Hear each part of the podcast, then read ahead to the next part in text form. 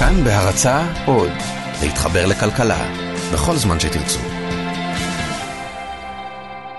היי, אני שאול אמסטרדמסקי. ואני צליל אברהם. ואתם מאזינים לחיות כיס. ולפני שאנחנו מתחילים בפרק של השבוע, רצינו רק לעדכן שפתחנו קבוצת פייסבוק חדשה בשם חיות כיס. ואתם מוזמנים לחפש אותה בפייסבוק ולהצטרף, תוכלו למצוא שם בכל שבוע את הפרק החדש של הפודקאסט, וגם להשתתף אה, בדיונים על הפרקים, להציע רעיונות משלכם לפרקים אחרים, לספר לנו מה חשבתם, ובכלל להעלות נושאים באופן חופשי. חיות כיס בפייסבוק, חפשו אותנו והצטרפו. ועכשיו לחלומות גדרה. בפרקים הקודמים של חלומות גדרה. לפני כמה שבועות זה קרה. זכיתי בהגרלה הגדולה של מחיר למשתכן. ייי! ואז יצאתי למסע להבין במה בדיוק זכיתי, והאם זה טוב בכלל? לא נערכנו שהדירות האלה יהיו גם בדיוק ה fine-tuning של מה שהזוג הצעיר צריך. אז אם אני רוצה לצאת בבוקר נגיד לכביש 7 זה סיוט? אם אתה תיסע ותצא ב-6 בבוקר זה יהיה בסדר. ואחרי זה? אם תצא ב-7 אז אתה בבעיה. בקיצור, אני מרגיש שבשביל לקחת הלוואה של מיליון שקל ל-25 שנה, אני צריך הרבה יותר תשובות מאשר שיש לי בשלב הזה. חלומות גדרה, חלומות שחולמים עליך. בחלום. והשבוע בחלומות גדרה. שלום. אתה עינב? כן. לפני שבוע זה סוף סוף קרה. דחיתי את הרגע הזה 37 שנה, אבל בסוף הוא הגיע. הלכתי לבנק שלי להתעניין במשכנתה.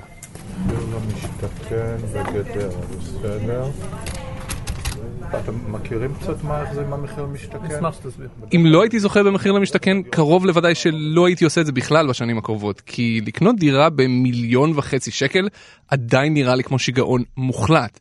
אבל העובדה שזכינו בדירה ושמתישהו יגיע הרגע הזה שבו הקבלן יקרא לנו לבחור דירה והכל, גרמה לי להבין שאני ממש צריך להתחיל לבדוק מאיפה לעזאזל אני מביא את הכסף. תגיד את זה, אל תתבייש, פשוט תגיד את זה. אוקיי, הגיע הזמן להבין אם בא לי לקחת משכנתה.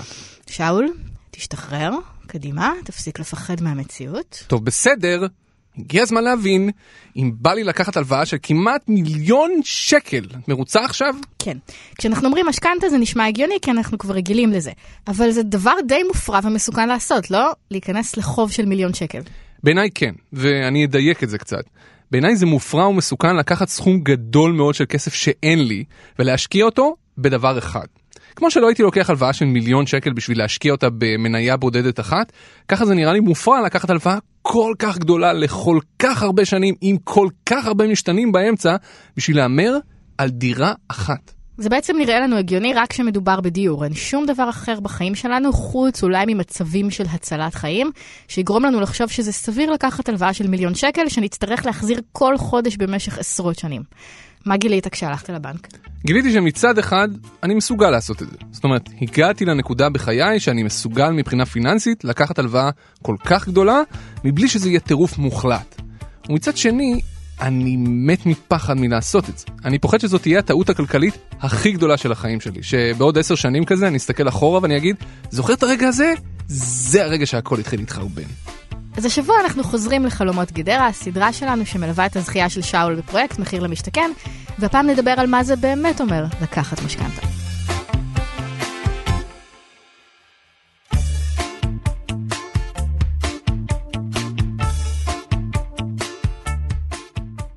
יש זוגות שהם מאוד מאוד מאוכזבים, שהם אה, מבינים בעצם שהם לא יוכלו לממש את הזכייה שלהם במחיר למשתכן כי העסקה גדולה עליהם. אז בשלב הראשוני יש הרבה פעמים הלם, אכזבה. זה אבי אבגיל. אבי הוא יועץ משכנתאות פרטי. בניגוד ליועצי המשכנתאות שעובדים בבנקים, שהם בעצם אנשי מכירות של הבנקים שנכנסתם אליהם, יועצי משכנתאות פרטיים אמורים להיות אובייקטיביים. הם מקבלים תשלום ישירות מכם ולא מהבנק, לפחות בתיאוריה. לפני שהיה יועץ עצמאי, אבגיל עבד בתור יועץ משכנתאות בבית ההשקעות מיטב, ובסך הכל יש לו ניסיון של 17 שנה בתחום. הוא ראה את כל עם ישראל לוקח משכנתה. והוא ראה עוד משהו, לפחות בחלק גדול מהמקרים. הוא ראה רעל בעיניים. יש גישה שאומרת שקיבלתי הטבה מהמדינה, בין אם זה 400, 500 אלף, לא משנה מה קורה, אני אעשה הכל כדי לממש אותה ו, וליהנות ממנה. אז לפעמים הם מצרפים את ההורים, ההורים ערבים, משלמים, מחפשים פתרונות כדי לממש את ההטבה הזאת. מה שאבי אומר זה שאם זכיתם במחיר למשתכן, אתם בקבוצת סיכון לקחת משכנתה גרועה. אתם ממהרים, אתם בלחץ, אין לכם הרבה זמן לעכל את זה, ובעיקר אתם בסרט של החיים שלכם שזכיתם בלוטו. אז זהו, שלא. זה שזכיתם, לא אומר שאתם גם יכולים לקנות. יותר מזה, בגלל השיטה שבה תוכנית מחיר למשתכן עובדת, שאתם זוכים בזכות לדירה אבל יש אנשים שנמצאים לפניכם בתור, יש סיכוי שעד שהתור שלכם יגיע, הדירה שתוכלו לבחור לא תתאים בכלל לצורך שלכם, אבל אתם עדיין משום מה תרגישו איזה דחף פנימי בלתי נשלט לקנות אותה בכל זאת. אבי סיפר לי שהוא ראה לא מעט זוגות כאלה. לדוגמה, אנשים שזכו במחיר למשתכן במיקום של הגרלה שהוא יחסית גבוה. הם אה, נורא נורא רצו לקנות דירת ארבעה חדרים, אבל כשהגיעו לבחירה נותרו להם רק דירות של חמישה חדרים, והדירות של החמישה חדרים הם למעלה מהיכולת הכלכלית שלהם לרכוש דירה. הם כבר היו שם, הגיעו, הם כבר נלחצו, הם בחרו דירה, התחייבו, ועכשיו צריך למצוא פתרון מימוני. ופה כבר יש לנו בעיה, מכיוון שהם נכנסו לעסקה שהיא גדולה על מידותיהם. תקשיבי, אני כל כך מבין את זה. כלומר, אני לא מתכוון לקנות חמישה חדרים, לא משנה מה. אבל אני כל כך מבין את העניין הזה של הדחף הפנימי הזה, לקנות משהו שאתה לגמרי לגמרי לגמרי לא בטוח שכדאי לך לקנות. ושאין שום סיכוי שהיית קונה את זה אם לא הייתה פה הטבה של המדינה. אתה לא היחיד שמרגיש ככה. תשמע מה אמר לי ליאור פז, אחד הצלמים שלנו, כשיצאנו לאיזה יום צילום לפני כמה זמן.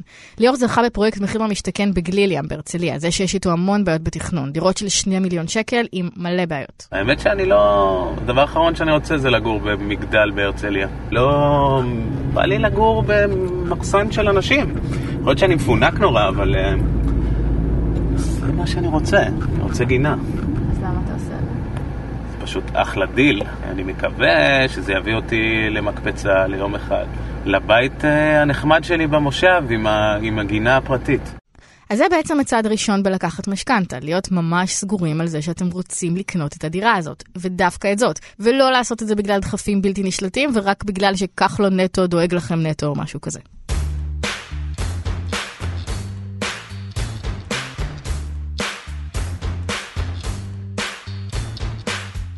קודם כל, מה זה בכלל משכנתה? משכנתה היא הלוואה. הבנק נותן לך כסף לקנות בית, ואתה מחזיר את הכסף לאט לאט פלוס ריבית. עד כאן כמו כל הלוואה רגילה. אבל מה קורה אם אתה לא מצליח להחזיר? אז הבית הוא של הבנק. כל הבית, גם אם שילמתם כבר חצי. בגלל זה הבנק מוכן לתת לכם מיליון שקל, או כמה שזה לא יהיה. זאת אומרת, הוא מוכן כי הוא רוצה שתשלמו לו מלא ריבית. אבל הוא יודע שגם אם לא תצליחו להחזיר, אז הוא ימכור את הבית. והוא מניח שהוא יצא בסדר מכל הסיפור הזה, כך או כך. יש לו בטוחה.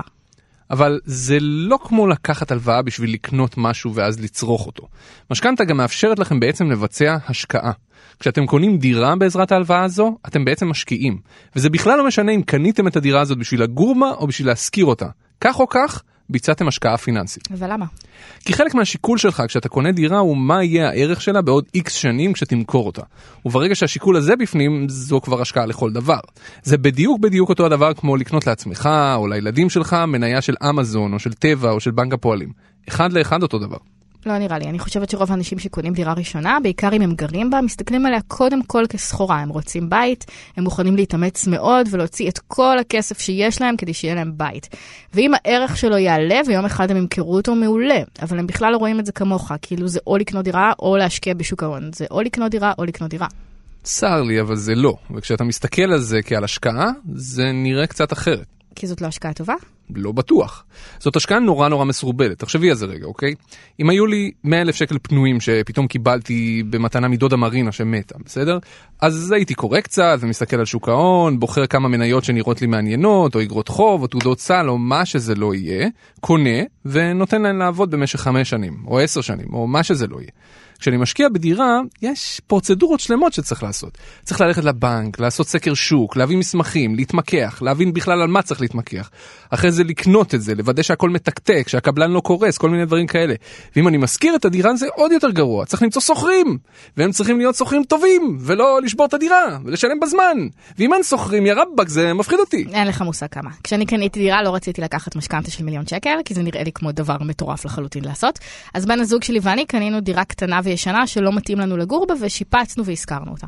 עכשיו, זה דבר לא הגיוני מבחינה כלכלית בשום צורה. מהמם. כי היינו בני 27 והשתכרנו ממש ממש מעט, ושמנו את כל הכסף שלנו ושל ההורים שלנו לדירה הזאת. אז אחרי שקנינו אותה, לא נשאר שום דבר. ואז היינו צריכים להשכיר אותה. עכשיו, כי יש לך שוכרים והם משלמים בזמן והכל בסדר, אז זה סתם ניג'וס להפקיד צ'קים וכזה. אבל כשאין לך שוכרים, זאת פשוט אימה. אתה רואה את המינוס שלך גדל כל חודש ב-2,000 שקל, ואין לך מה לעשות חוץ מלקוות שזה ייגמר. ולא היה לנו באמת את החוסן הכלכלי שצריך כדי להשקיע בנדל"ן ולעמוד בסיכונים. אבל רצינו לקנות דירה, אז עשינו את זה בכל זאת. מצד שני, לך זה לא יקרה. אפילו אם את צודקת, אפילו אם היכולת הכלכלית שלי לעמוד בזה יותר גדולה משלך, בכל מקרה מדובר בהשקעה. וכשלוקחים משכנתה צריך להבין את זה. אתם משקיעים עכשיו. וכשמשקיעים, צריך להבין איך עושים את זה. אחרת, זו יכולה להיות השקעה ממש ממש דפוקה.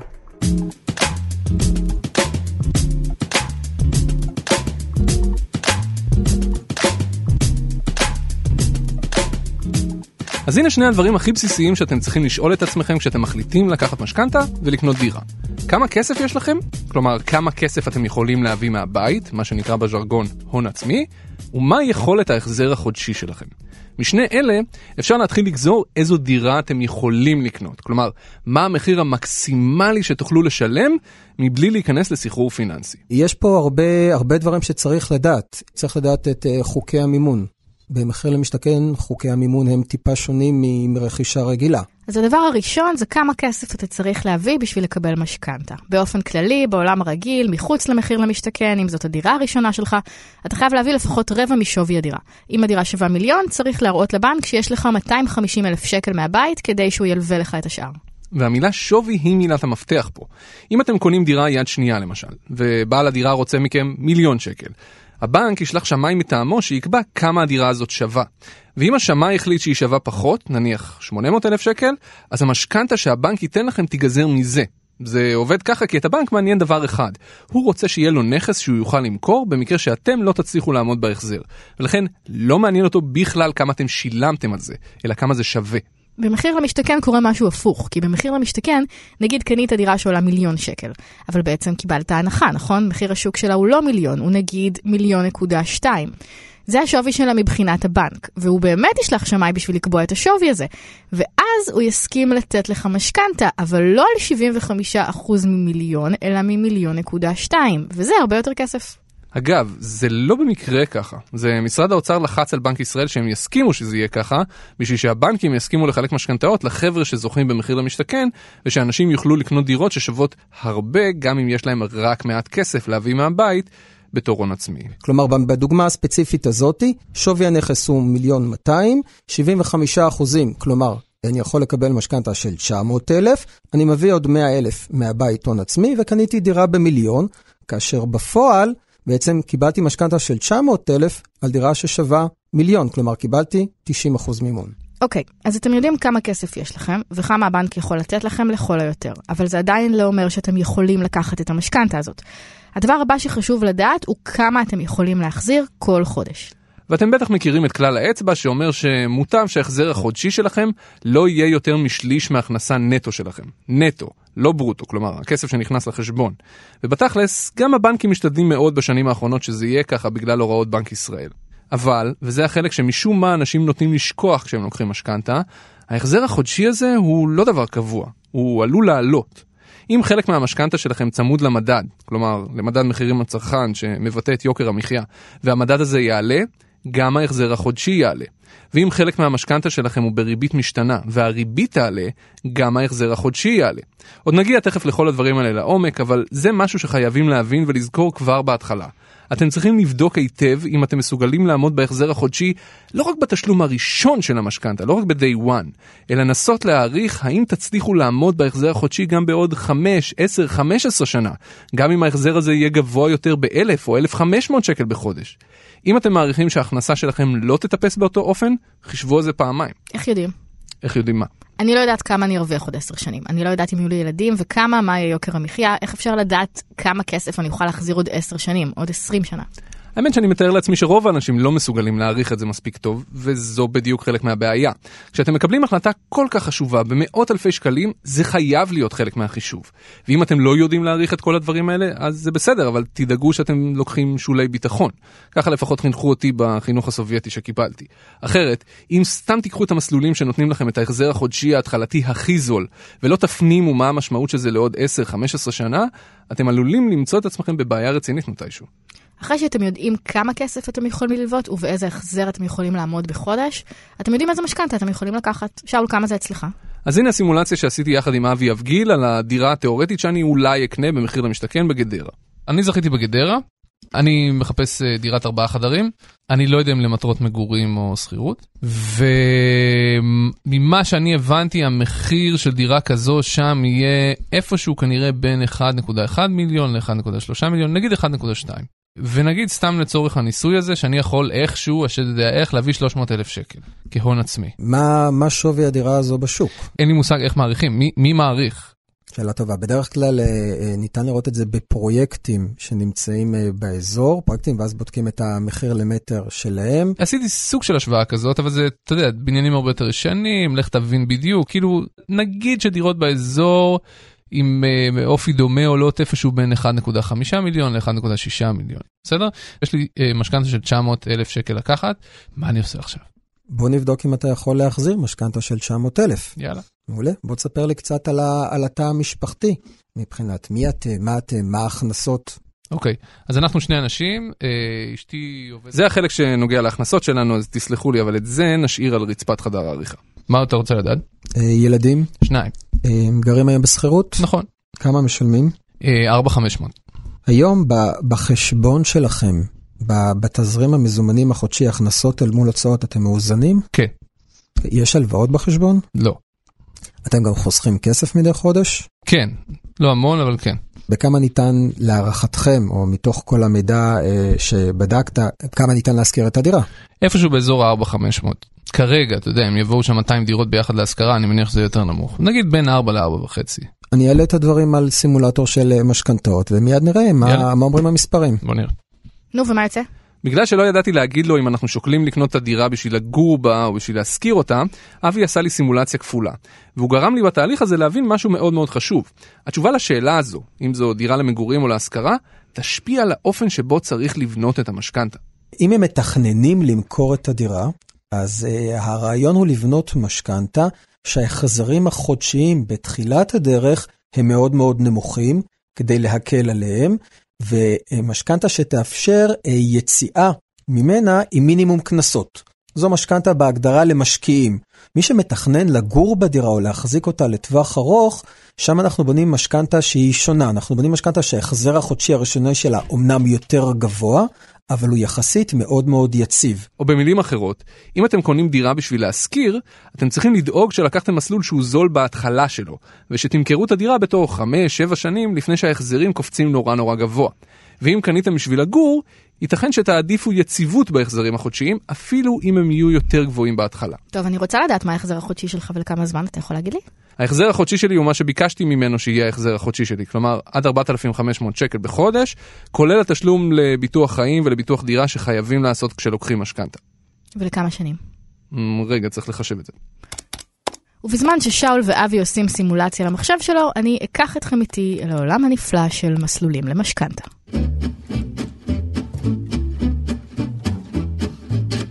אנחנו לא הולכים לתת כאן ייעוץ משכנתאות, אבל בכל זאת, כדי שהמשכנתה תפסיק להישמע כמו סינית ותוכלו לדעת מה אתם עושים, אתם צריכים קודם כל להבין איזה סוגים של ריבית יש. ובגלל שזה פודקאסט ולא ייעוץ משכנתאות, אנחנו לא ניכנס ממש לכל הסוגים האפשריים, אבל כן נדבר על הבסיס, ריבית קבועה וריבית משתנה. ריבית קבועה זה נורא פשוט, היא קבועה, מה שהבנק קבע מראש. וריבית משתנה, כשמה כן היא משתנה. ועכשיו בשביל לסבך בואו נוסיף עוד קומה, הצמדה. הצמדה זו המילה הזו שאומרים בשביל להרגיש גדולים, אבל בתכלס היא אומרת משהו נורא פשוט. הצמדה למדד המחירים לצרכן. המדד עולה, כלומר יוקר המחיה במשק עולה. אם אתם במסלול צמוד, גם ההחזר החודשי של המשכנתה שלכם יעלה. המדד יורד, ההחזר החודשי ירד גם. ועכשיו בואו נשלב את הכל ביחד.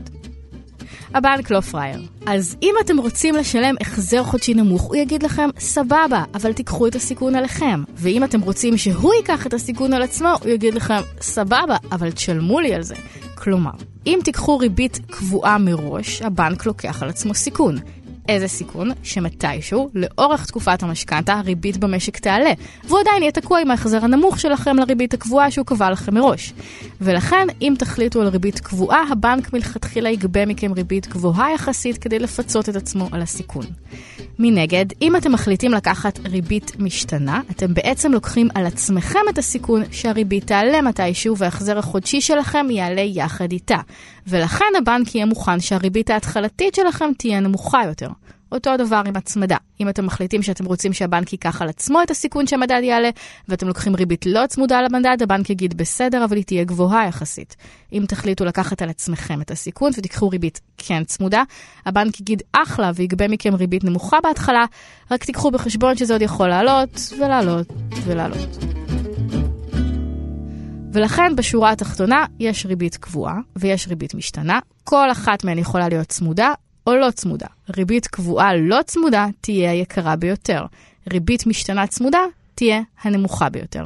העניין הוא שאתם לא בוחרים מסלול אחד, אתם לוקחים את כל הכסף הזה של המשכנתה ומחלקים אותו כמו עוגה, וכל חלק בעוגה מחזירים במסלול אחר.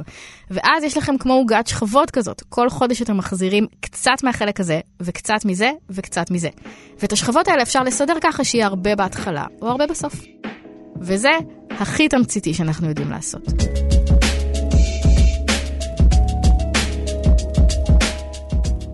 אם אתם רוצים לדעת יותר, היכנסו לאתר שלנו, חלומות גדרה, ותמצאו שם לינקים לעוד ועוד הרחבות על העניין הזה. טוב, לפני שאת נשאבת לחור השחור של לוחות שפיצר, יש לי את המספרים שכולם חיכו להם. קדימה.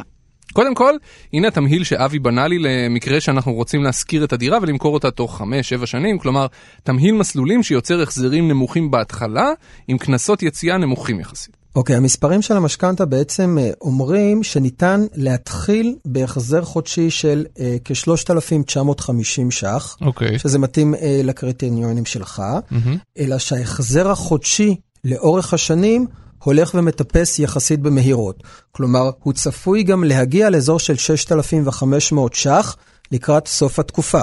מה זה סוף התקופה? סוף התקופה זה 25 או 30 שנים. אוקיי. Okay. אבל מאחר ואני לא מתכנן להגיע לתקופות האלה, הרי שאני לא באמת חושש מהמספרים המאוד גבוהים האלה. כמה זה אחרי נגיד חמש שנים? כעבור חמש שנים היא צפויה לעלות ל-4,400 ש"ח. כעבור עשר שנים אה, לאזור 5,200. אם הייתי רוצה לקנות את הדירה כדי לגור בה, התמהיל הזה של השכבות, של המסלולים, היה שונה לגמרי. אם זו לא הייתה דירה להשקעה, היינו מחפשים החזר חודשי שהוא הרבה הרבה יותר יציב אה, לאורך השנים. ואז הייתי בונה את המשכנתה בצורה אחרת. זה תמהיל שמבוסס בחלקו הגדול על ריבית קבועה לא צמודה, כלומר אה, אין עליה שום השפעה, ואנחנו יודעים לכל אורך התקופה כמה אנחנו משלמים. כמובן שזה קורה בשילוב של אה, הלוואות נוספות, אה, ואז ההחזר החודשי הוא יכול להגיע, להיות, לנוע בין 4,300 ל-4,500 שקל, אבל הוא נשאר יציב לאורך השנים, כלומר, לפי הערכות, הוא צפוי להגיע במקסימום ל-4,900 ש"ח. וגם זה לתקופה של 25 עד 30 שנה? נכון מאוד. אוקיי, אם הייתי רוצה לקחת את המשכנתה לתקופה הרבה יותר קצרה, נגיד של 15 שנה, זה היה מייקר משמעותית את ההחזר החודשי. כמובן. בוא נעשה סתם סימולציה בשביל הסקרנות. אז קודם כל, אם נפרוס את המשכנתה ל-15 שנים, ההחזר החודשי קופץ לאזור 6,300 ש"ח לחודש. בהתחלה שלו. נכון מאוד. על ההיסטור.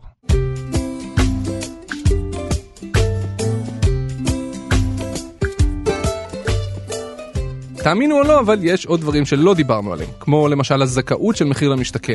מי שזוכים במחיר למשתכן יכולים לקחת חלק מסכום המשכנתה באופן מסובסד על ידי המדינה. בשביל לחשב את גובה הזכאות המדויק, כנסו ללינק ששמנו באתר או חפשו בגוגל זכאות משכנתה מחיר למשתכן. בגדול, הזכאות נקבעת בהתאם לגיל שבו התחתנתם, למספר הילדים שיש לכם ולמספר האחים והאחיות שלכם. כי בעבר השיטה הזו נועדה בעצם להיטיב עם חרדים, לא נעים לי להגיד. אבל אז הגיעה המחאה החברתית והוסיפו גם את משך השירות הצבאי בתור משהו שמעלה את הזכאות. בכל אופן, אבי חישב לי שבת זוגי ואני זכאים למשכנתה בריבית מסובסדת של עד 3% בסכום של 85,000 שקלים. עדיף לעשות את, להוציא את תעודת הזכאות דרך הבנק, כאשר מאוד מאוד מומלץ להוציא את תעודת הזכאות אה, מהבנק שממנו אתה לוקח את המשכנתה. אוקיי? כלומר, אם אה, הוצאתי תעודת זכאות דרך בנק אחד, אבל את המשכנתה אני לוקח מבנק שני, כל התהליך של העברת הזכאות מבנק לבנק הוא תהליך ארוך ומורכב, ויכול לעכב אותנו בצורה רצינית בלקיחת המשכנתה. הבנקים יעשו בשבילכם את החישוב הזה אם תבקשו, אתם רק צריכים לזכור לבקש. אז הנה המספרים שהבנק נתן לי.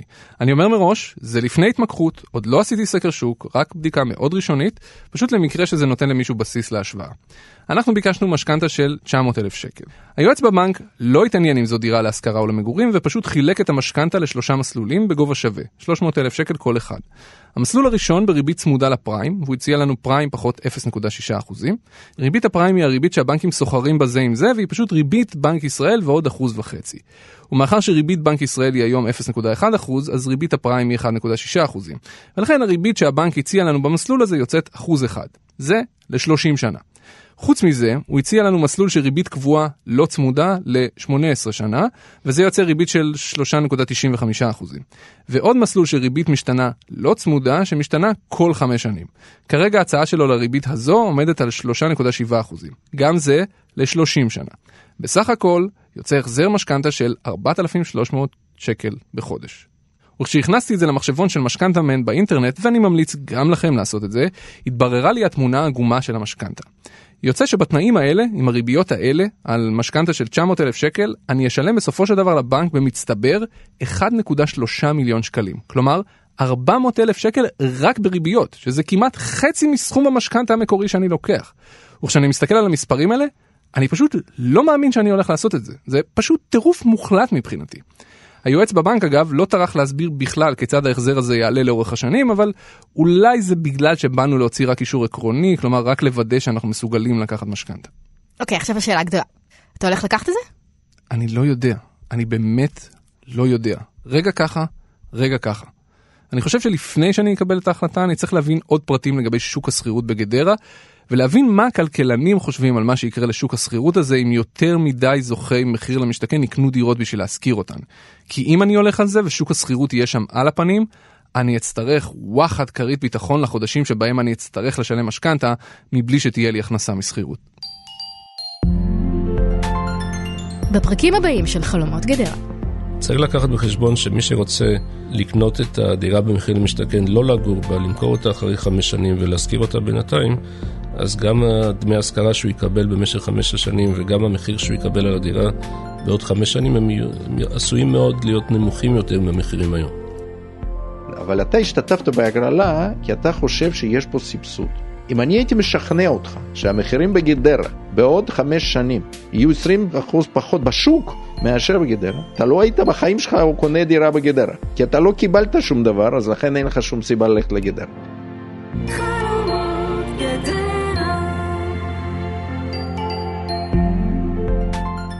חלומות גדרה היא סדרה של חיות כיס, הפודקאסט של כאן כלכלי. בנינו אתר מגניב, אנחנו מרכזים בו את כל הפרקים של חלומות גדרה, חפשו בגוגל או ייכנסו לגדרה.כאן.org.il.